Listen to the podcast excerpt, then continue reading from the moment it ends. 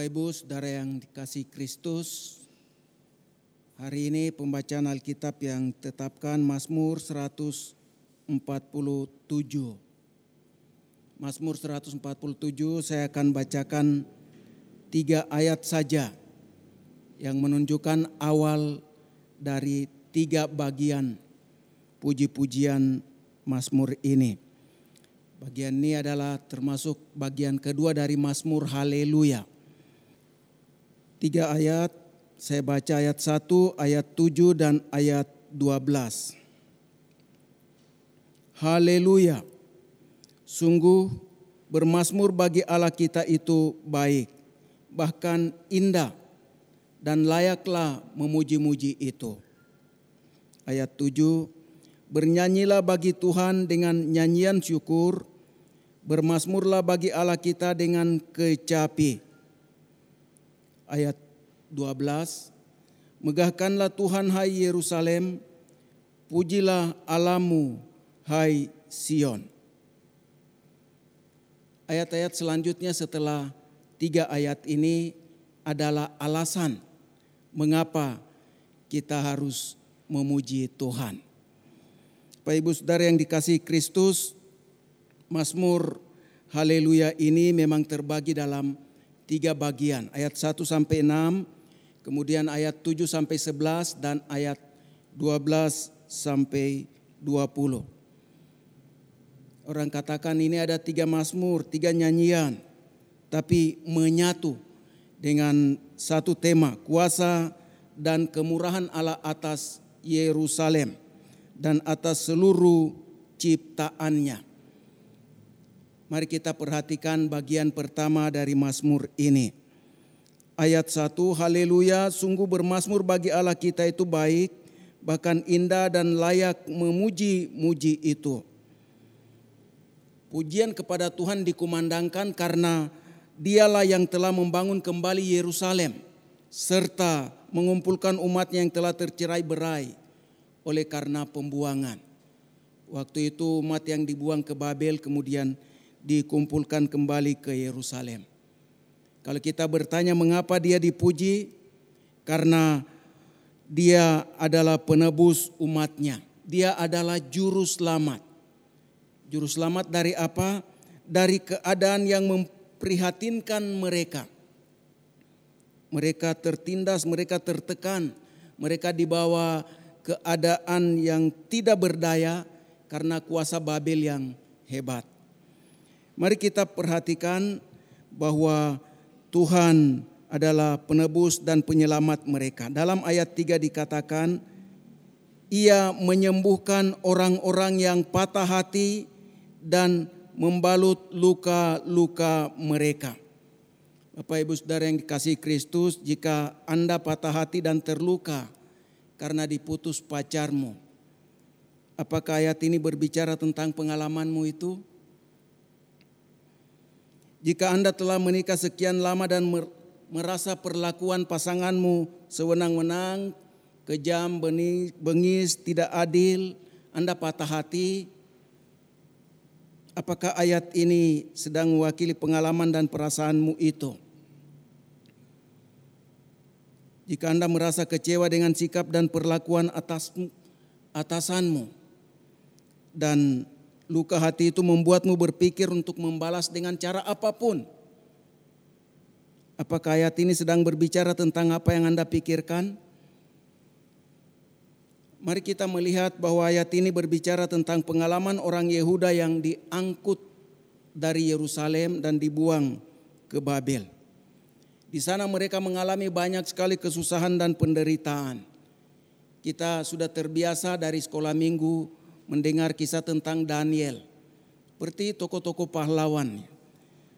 Sadrak Mesak Abednego atau nama Ibraninya Hananya Misael Asaria. Orang-orang yang menderita di tengah-tengah kekafiran Babel itu. Karena mereka sebenarnya kalau kita perhatikan mereka hidup benar, mereka teguh percaya kepada Tuhan, mereka terus melakukan firman Tuhan, dan karena itu mengalami kesusahan, penderitaan, aniaya dan seterusnya. Jadi walaupun orang Yehuda diangkut dari Yerusalem dan dibuang ke Babel karena dosa mereka. Tetapi di tengah kekafiran itu ada yang hidup benar dalam hubungan yang benar dengan Tuhan, dalam ketaatan yang terus-menerus kepada firman Tuhan. Mengapa? Karena di Yerusalem juga mereka memang hidup benar. Bisa lihat di Yerusalem mereka hidup benar. Ketika diangkut ke pembuangan di Babel, mereka tetap hidup benar. Memang sebagian besar adalah berdosa, menyembah berhala. Bapak Ibu Saudara, kita bisa melihat jadi sebenarnya sewaktu mereka masih di Yehuda, di Yerusalem, tidak semua orang Yehuda itu berbuat dosa dan menyembah berhala. Ada yang hidupnya benar, tetapi pada waktu tangan Tuhan datang menghukum Yehuda, baik orang yang benar maupun orang yang berdosa, sama-sama rasakan akibatnya. Kali lagi, waktu mereka hidup di Yehuda atau di Yerusalem, tidak semua orang berbuat dosa dan menyembah berhala. Ada yang hidupnya benar, tetapi pada waktu tangan Tuhan menghukum kerajaan Yehuda, baik orang yang benar maupun orang berdosa sama-sama rasakan akibatnya. Ini sama dengan hari ini kita bilang, Tuhan, bukankah keluargaku di Manado hidup benar dalam Tuhan? Mereka beribadah dengan taat, mereka belajar firman Tuhan. Tapi mengapa mereka juga kena banjir dengan segala akibatnya? Tuhan, bukankah keluargaku di Sulawesi Barat adalah Kristen? Mengapa mereka juga terkena gempa bumi dengan segala akibatnya yang merugikan? Tuhan bukankah dia orang yang saleh, rajin dan setia beribadah. Dia mengasihi Tuhan dan sama dengan sungguh-sungguh. Mengapa dia kena covid dan meninggal? Saudaraku yang kasih dalam Kristus. Pada waktu Tuhan melawat sebuah kota ataupun satu bangsa dengan berbagai perbuatannya. Dia punya maksud yang tidak bisa diceritakan kepada kita satu per satu. Tetapi sebagai orang percaya kita bisa belajar memahami rencana dan maksud Tuhan dari firman-Nya hari demi hari. Bagi orang benar dari Yehuda di Babel, mereka belajar bergantung penuh pada Tuhan. Semakin taat firman Tuhan tidak terpengaruh dan percaya kepada para Allah bangsa lain. Mereka setia ikut Tuhan di tengah godaan dunia kafiran yang hebat. William Barclay menggambarkan begini. Orang percaya itu seperti pulau karang kecil di tengah samudera kekafiran. Setiap waktu ada angin, ombak dan gelombang yang menghantam. Tetapi dia tidak goyah, tidak bergeser. Orang-orang seperti ini yang ditebus oleh Tuhan dari kuasa yang menindas mereka. Karena itu Tuhan dipuji dalam Mazmur ini sebagai penebus dan juru selamat mereka. Tapi ayat 6 dikatakan begini, Tuhan menegakkan kembali orang-orang yang tertindas. Dalam terjemahan bahasa Inggris NIV, orang-orang yang rendah hati jadi orang-orang yang tertindas ini terjemahannya orang-orang yang rendah hati. Ini dari bahasa Ibrani Anawa itu sering kali mencakup gagasan penderitaan dan mengacu kepada orang yang tertindas. Karena orang semacam itu tidak dapat menguasai semua persoalan, tidak dapat mengelola dan menyelesaikan. Dan tanggung jawab hidup mereka itu dengan kekuatan sendiri. Mereka tidak dapat memenuhi semuanya, kadang merasa kurang, tidak berdaya. Mereka dengan rendah hati berseru kepada Allah, memohon pertolongan dan kekuatannya. Jawaban Allah pasti. Allah mengangkat orang yang rendah hati dan membantu mereka. Pemasmur meyakinkan mereka akan pertolongan Allah dan kemenangan akhirnya. Dalam Mazmur 22 ayat 27, 25 ayat 9, 37 ayat 11. Bapak Ibu Saudara yang dikasih Kristus. Yang kedua, sebagaimana Allah membantu orang yang rendah hati di PL. Yesus melayani orang yang tertindas dan rendah hati pada zaman perjanjian baru. Dalam Matius 11 ayat 28 dia katakan marilah kepadaku semua yang letih lesu dan berbeban berat. Aku akan memberi kelegaan kepadamu. Jadi kalau kita ada beban, merasa tertindih oleh persoalan hidup, masalah apa pun yang kita susah selesaikan. Kita merasa tidak berdaya untuk menyelesaikannya. Kita dapat datang kepada Tuhan Yesus. Dia mengundang kita dengan undangan yang manis, dengan tangan terbuka. Sebaliknya dalam ayat 6b dikatakan para musuh dikalahkan tetapi merendahkan orang-orang fasik sampai ke bumi. Di itu artinya orang-orang yang berbuat jahat kepada umat Allah, pada orang benar ini mereka memang dihancurkan hidupnya. Bapak Ibu Saudara yang kasih Kristus, ini tentang Allah sebagai juru selamat. Dia membebaskan umatnya kemudian membalas perbuatan orang fasik itu. Tapi dalam ayat 4 dan 5 pujian ini ya mengarah pada karya penciptaan Allah. Kenapa setelah berbicara tentang juru selamat di sini juga tentang Allah sebagai pencipta.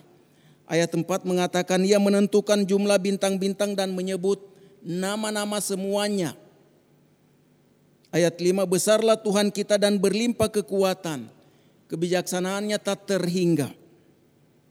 Jadi Allah dipuji karena ia juru selamat, ia penebus. Itu bagian tadi kita renungkan. Tapi di sini Allah dipuji karena dia pencipta. Apa maksudnya?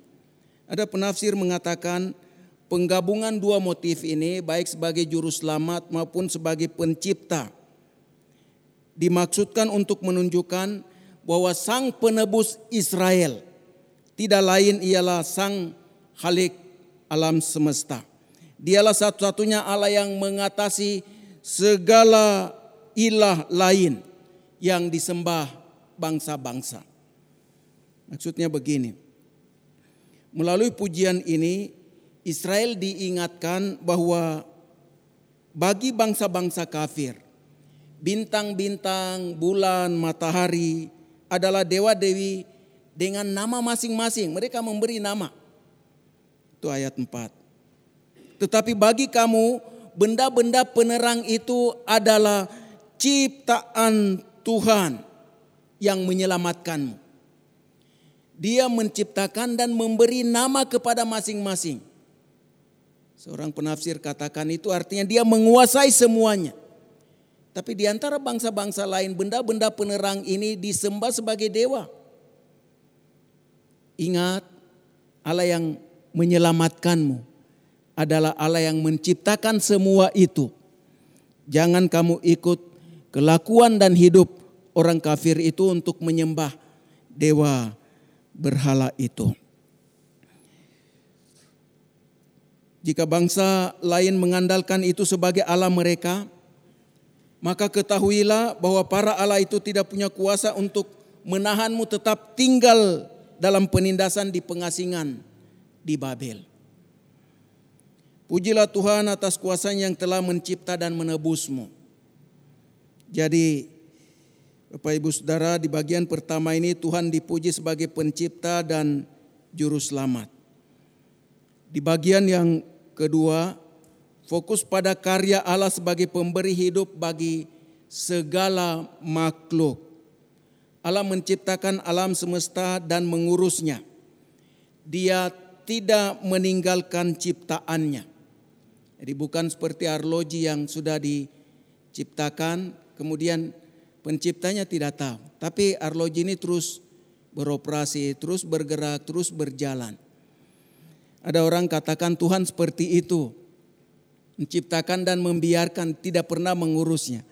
Karena itu arloji ini sewaktu-waktu rusak, ada banjir, ada COVID-19, ada gempa bumi, ada masalah ini itu, Dia tidak kendali untuk memperbaiki karena di luar pengetahuannya. Deisme secara khusus punya pemahaman seperti itu. Allah setelah menciptakan langit bumi dan isinya, ia meninggalkan dan pergi dan tidak pernah lagi mengurusnya. Bapak Ibu Saudara yang dikasih Kristus, mari kita perhatikan ayat 7. Bernyanyilah bagi Tuhan dengan nyanyian syukur, bermasmurlah bagi Allah kita dengan kecapi. Mengapa dia dipuji? Dalam ayat 8 9 ditunjukkan karena dia menyediakan langit bumi untuk memenuhi kebutuhan makhluk hidup dan untuk memuliakannya. Dalam ayat 8 dia yang menutupi langit dengan awan-awan yang menyediakan hujan bagi bumi, yang membuat gunung-gunung menumbuhkan rumput. Jadi ada awan, kemudian turun hujan. Ini memang untuk memelihara umat manusia, melihara binatang, tanaman, makhluk hidup yang Tuhan ciptakan. Alam semesta disediakan untuk itu. Mungkin saudara telah membaca doa ini, doa dan keluhan. Saya bacakan untuk kita. Tuhan, kami tahu bahwa kami butuh air untuk hidup kami di bumi. Tapi kalau engkau memberi hujan, tolonglah jangan sampai kota kami hancur karena banjir. Jangan barang-barang kami hanyut terbawa arus air yang deras. Jangan nyawa kami ikut melayang bersama harta benda yang engkau titipkan. Tuhan, kasihani kami orang berdosa. Bapak Ibu Saudara yang dikasih Kristus, ini bukan pujian tetapi keluhan dalam doa. Dan menurut pemahaman saya berdasarkan kitab suci, Tuhan mendengarkan keluhan seperti ini, doa seperti ini. Ini termasuk doa orang yang rendah hati. Dia tahu dia orang berdosa dan memohon belas kasih dan pengampunan Tuhan. Dia memohon Tuhan tetap menopang alam sebagai tempat makhluknya terpelihara hidupnya. Mari kita perhatikan ayat 9 mengapa dia dipuji. Ia memelihara binatang atau hewan Ayat 9, dia yang memberi makanan kepada hewan, kepada anak-anak burung gagak yang memanggil-manggil. Bapak Ibu Saudara yang dikasih Kristus, anak burung gagak yang gagak yang tega ditinggalkan induknya, dipedulikan dan dipelihara Allah. Masa manusia yang diciptakan menurut gambar dan rupa Allah, yang ditebus lagi dari dosa dengan darahnya yang mahal Tuhan akan lupakan?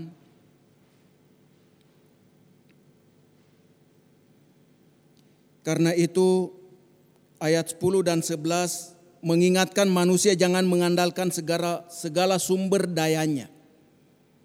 Ayat 10, ia tidak suka kepada kegagahan kuda, ia tidak senang kepada kaki laki-laki.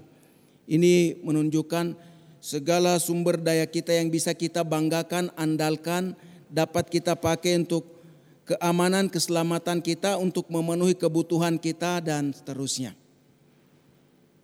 Tuhan senang kepada orang yang takut akan Dia, kepada orang-orang yang berharap akan kasih setianya ayat 11. Jadi bukan pada orang-orang yang katakan aku perkasa, aku gagah, aku hebat, aku sanggup, aku bisa. Tuhan tidak senang. Tapi orang yang dengan rendah hati datang padanya, mengandalkan dia. Orang seperti itu dipeliharanya. Mari kita melihat bagian ketiga ayat 12 sampai 20. Kembali kepada motif pertama yaitu karya Allah atas pemulihan Yerusalem pasca pembuangan Babel ayat 12, megahkanlah Tuhan hai Yerusalem, pujilah Allahmu hai Sion. Mengapa dia dipuji? Sebab dia memulihkan keadaan kota Yerusalem. Ayat 13 katakan, sebab ia meneguhkan palang pintu gerbangmu dan memberkati anak-anakmu di antaramu. Bapak Ibu Saudara yang dikasih Kristus,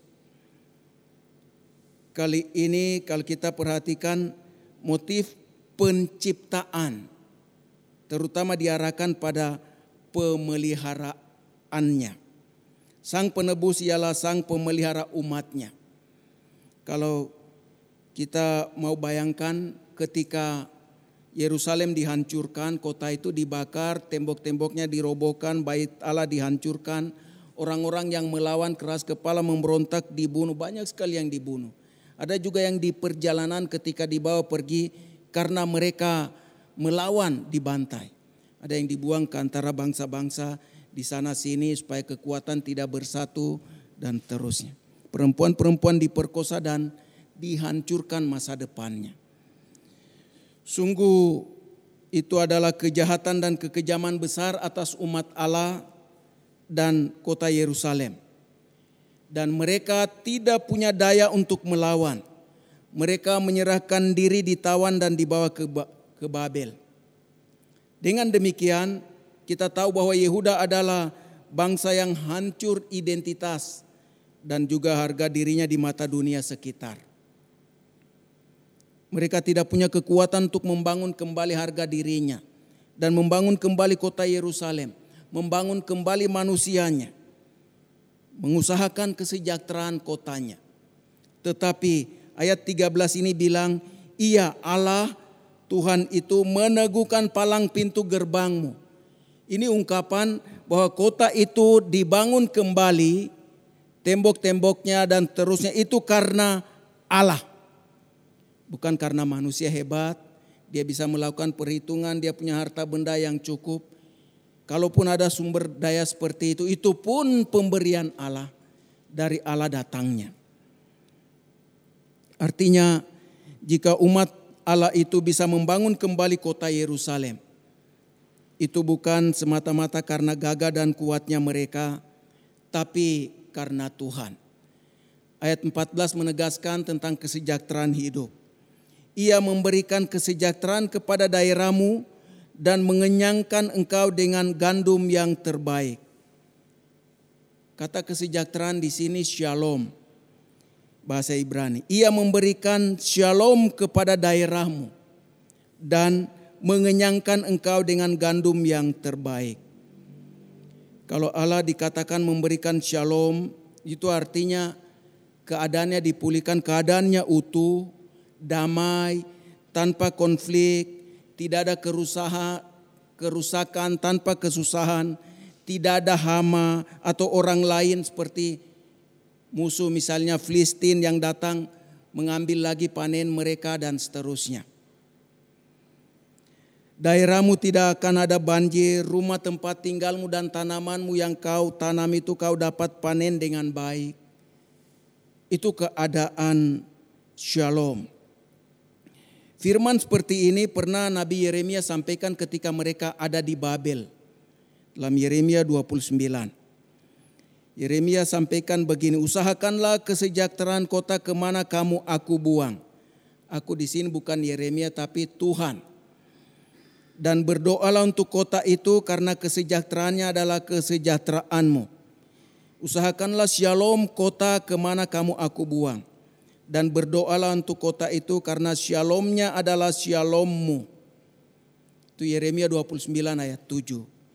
Itu artinya Jangan kamu melawan dan berkonflik dengan Babel. Jangan buat kacau di kota itu. Beberapa nabi palsu muncul mengajak mereka untuk melawan. Jangan kalian bangun rumah, jangan bikin kebun, jangan kasih kawin anak-anakmu di sini. Kita cuma sebentar saja akan balik lagi ke Yerusalem. Itu nabi palsu. Keadaan ini membuat Yeremia harus berbicara kepada mereka. Jangan bikin kacau. Jangan berkonflik dengan Babel. Jangan melawan. Usahakanlah shalom untuk kota itu. Ayat 5, Yeremia 29 ayat 5. Bangun rumah untuk kamu diami. Itu bagian dari shalom. usaha untuk kesejahteraan. Buat kebun untuk kamu nikmati hasilnya ayat 5. Itu mereka dapat makan minum. Ini bagian dari shalom Allah dalam hidup mereka. Nikahkan anakmu laki-laki dan perempuan agar kamu bertambah banyak di tanah asing. Ini adalah shalom ayat 6. Jadi mereka dapat membangun mengembangkan keturunan keluarga di sana, dapat berkebun, membangun rumah, itu hidup yang baik dan benar yang Tuhan inginkan mereka jalani.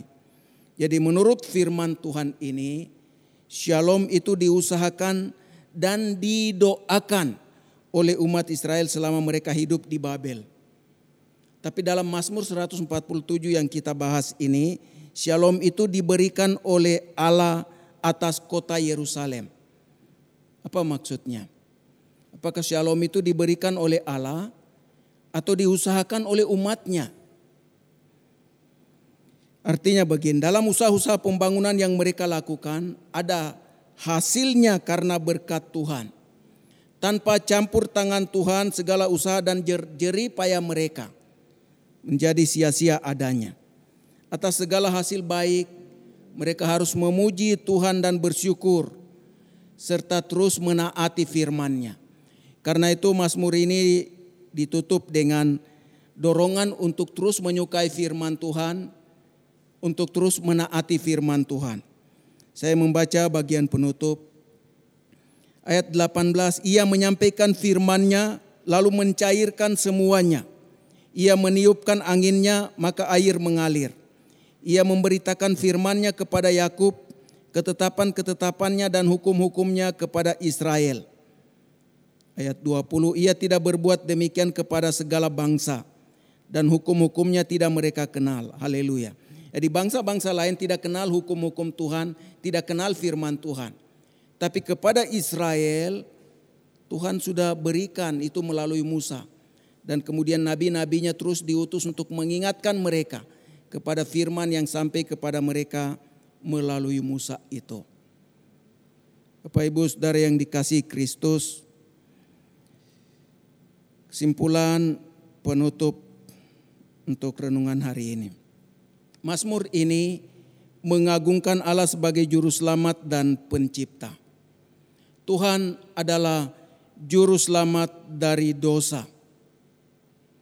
Jadi kalau kita jatuh dalam dosa tidak bisa selesaikan dengan persembahan terbaik kita. Dengan perbuatan terbaik kita. Dengan kesalehan kehidupan sesale mungkin tidak. Datang saja katakan Tuhan dan juru selamatku. Saya sudah berdosa. Ampuni dan sucikan segala dosa dan kejahatanku. Terima saya sebagai anakmu. Itu saja. Tuhan juru selamat dari dosa. Tetapi dia juga juru selamat dari tekanan, penindasan, penderitaan, kesulitan hidup di luar kuasa dan kendali kita. Kita tidak bisa, tidak berdaya untuk melawan keluar dari satu keadaan yang membuat kita tidak berdaya. Tuhan adalah juru selamat.